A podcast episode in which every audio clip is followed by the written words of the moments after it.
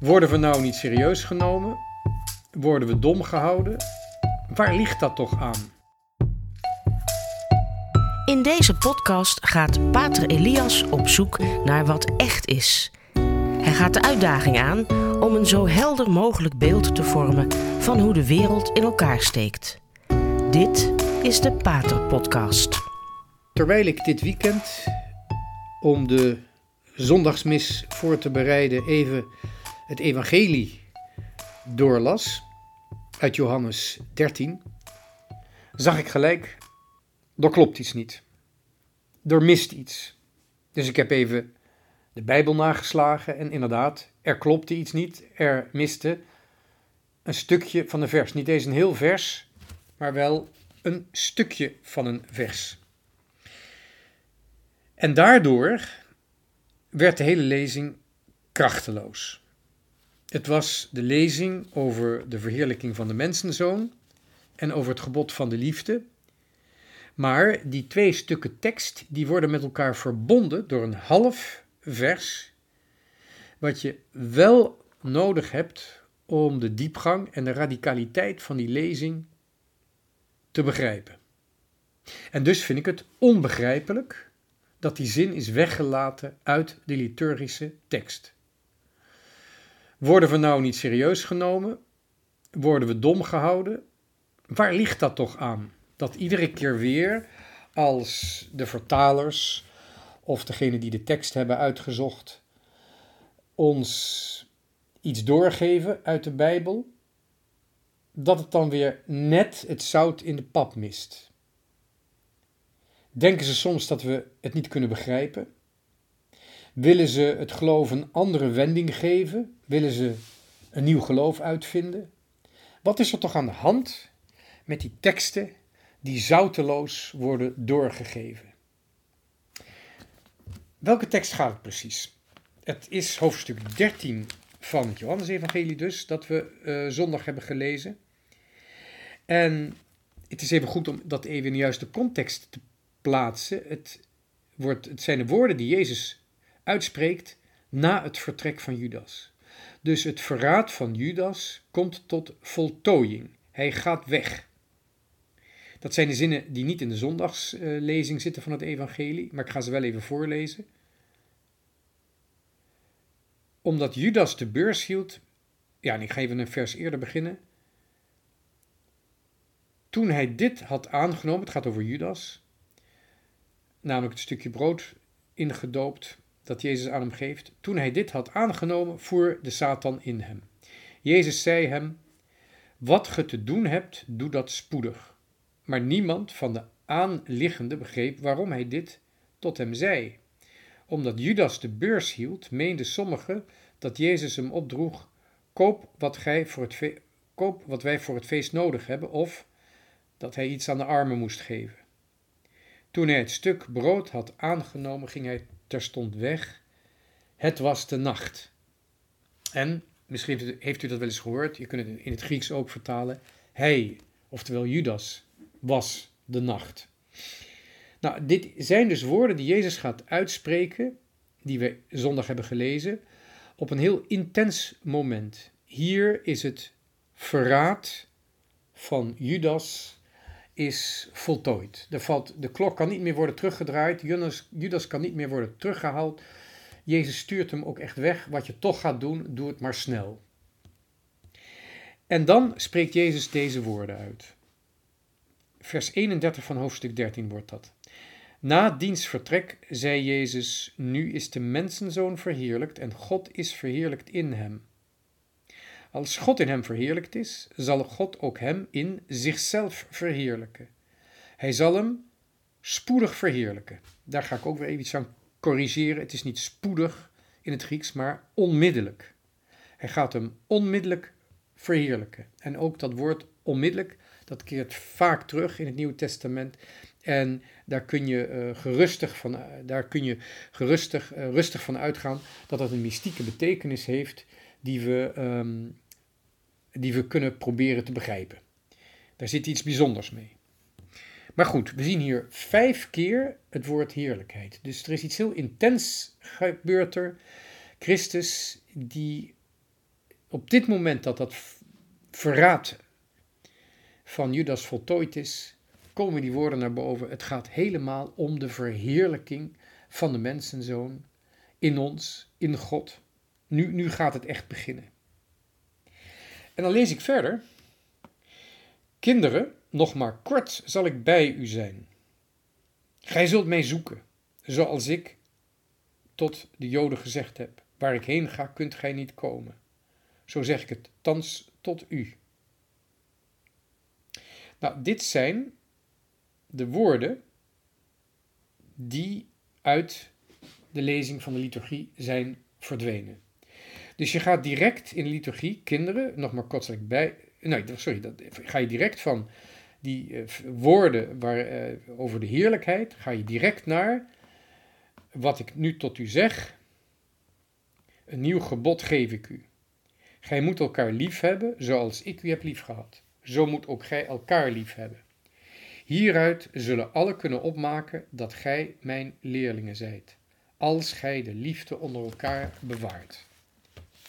Nou, doordat die zin eruit geknipt is over de ontoegankelijkheid van de plek waar Jezus naartoe gaat, is ineens het zout uit de lezing verdwenen. Het zijn eigenlijk twee delen van die lezing geworden die niet meer ja, bij elkaar passen eigenlijk. Je kunt ze niet meer aan elkaar knopen. Het gaat over de heerlijkheid en het gebod van de liefde.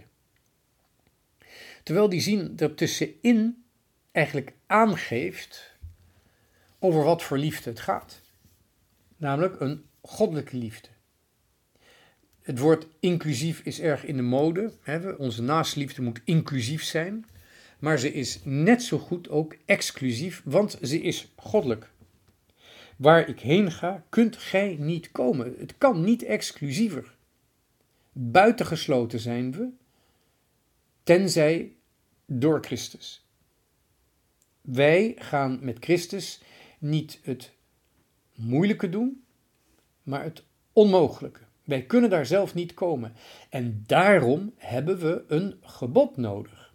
Doordat die zin eruit is verdwenen, wordt het ineens een moralistisch praatje na een beetje een mystiek praatje waar we toch niks van kunnen begrijpen.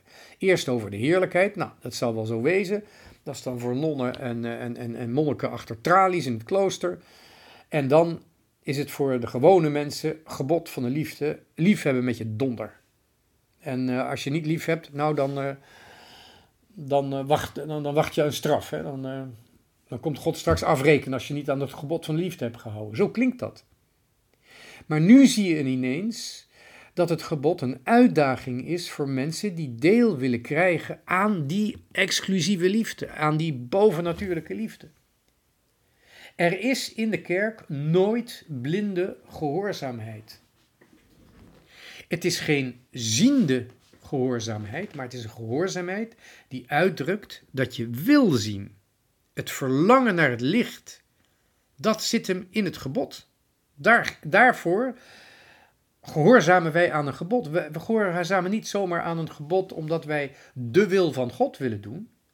Nee, wij weten wat die wil van God is. Namelijk dat wij toetreden tot het ontoegankelijke licht om deel te krijgen aan zijn heerlijkheid. Je ziet ook, daar, daar is Jezus zo bezorgd over. Dat wil hij. En hij weet net zo goed als normale mensen dat God boven de mensen staat. En dat we dus een hele speciale ja, toestemming nodig hebben en een speciale verlossing. En bovendien een heel speciaal soort medewerking van onze kant om in die exclusieve heerlijkheid van God door te dringen. Nou, dat is dan het gebod van de liefde.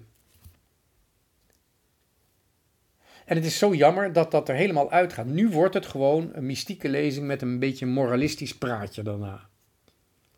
Terwijl als je ziet welke zin deze twee delen met elkaar verbindt, die zin is als het ware de poort.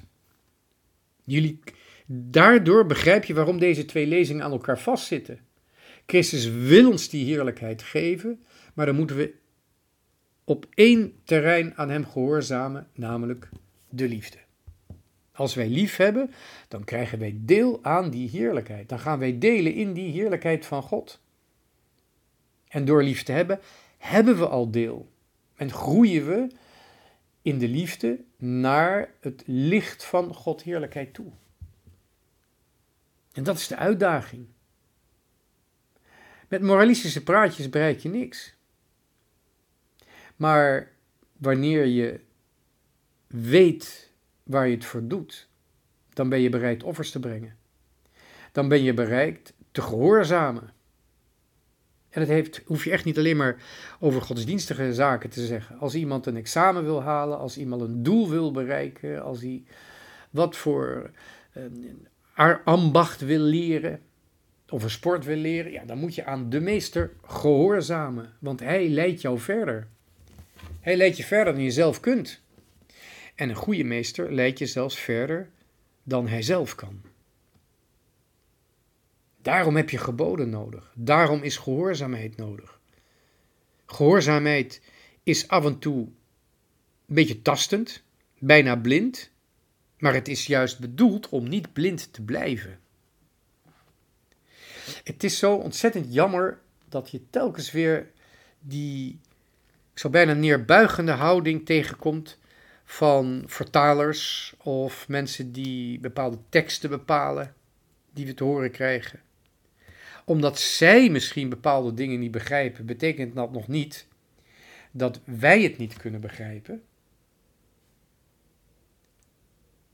Laten we er niet te veel boos over worden, maar laten we wel slim genoeg zijn om te zien dat er af en toe dingen worden weggelaten die we wel zouden moeten weten. Geen volwassen mens wil betutteld worden. Een volwassen mens, net als iemand die jong is en die nog iets wil bereiken, die wil graag gehoorzamen, maar wil wel weten waarom. Wat is het doel?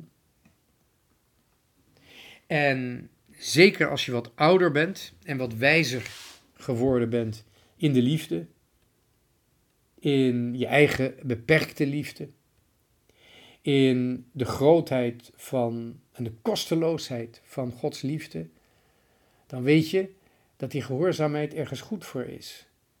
En dat de liefde van God subliem exclusief is, maar dat door de goedheid en de barmhartigheid van God we er wel in mogen doordringen.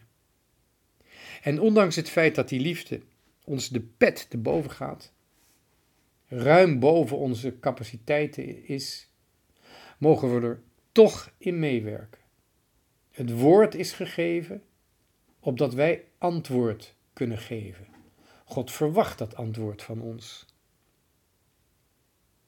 En één ding kunnen we niet gebruiken als we ons antwoord willen geven. Dat is dat we dom worden gehouden of dat we niet serieus worden genomen. Ik hoop dat vers 33, meen ik dat het is, van hoofdstuk 13, dat vers 33 gewoon weer terugkeert in de lezing van de zondag. Deze zondag, de vijfde zondag in de paastijd. Bedankt voor het luisteren.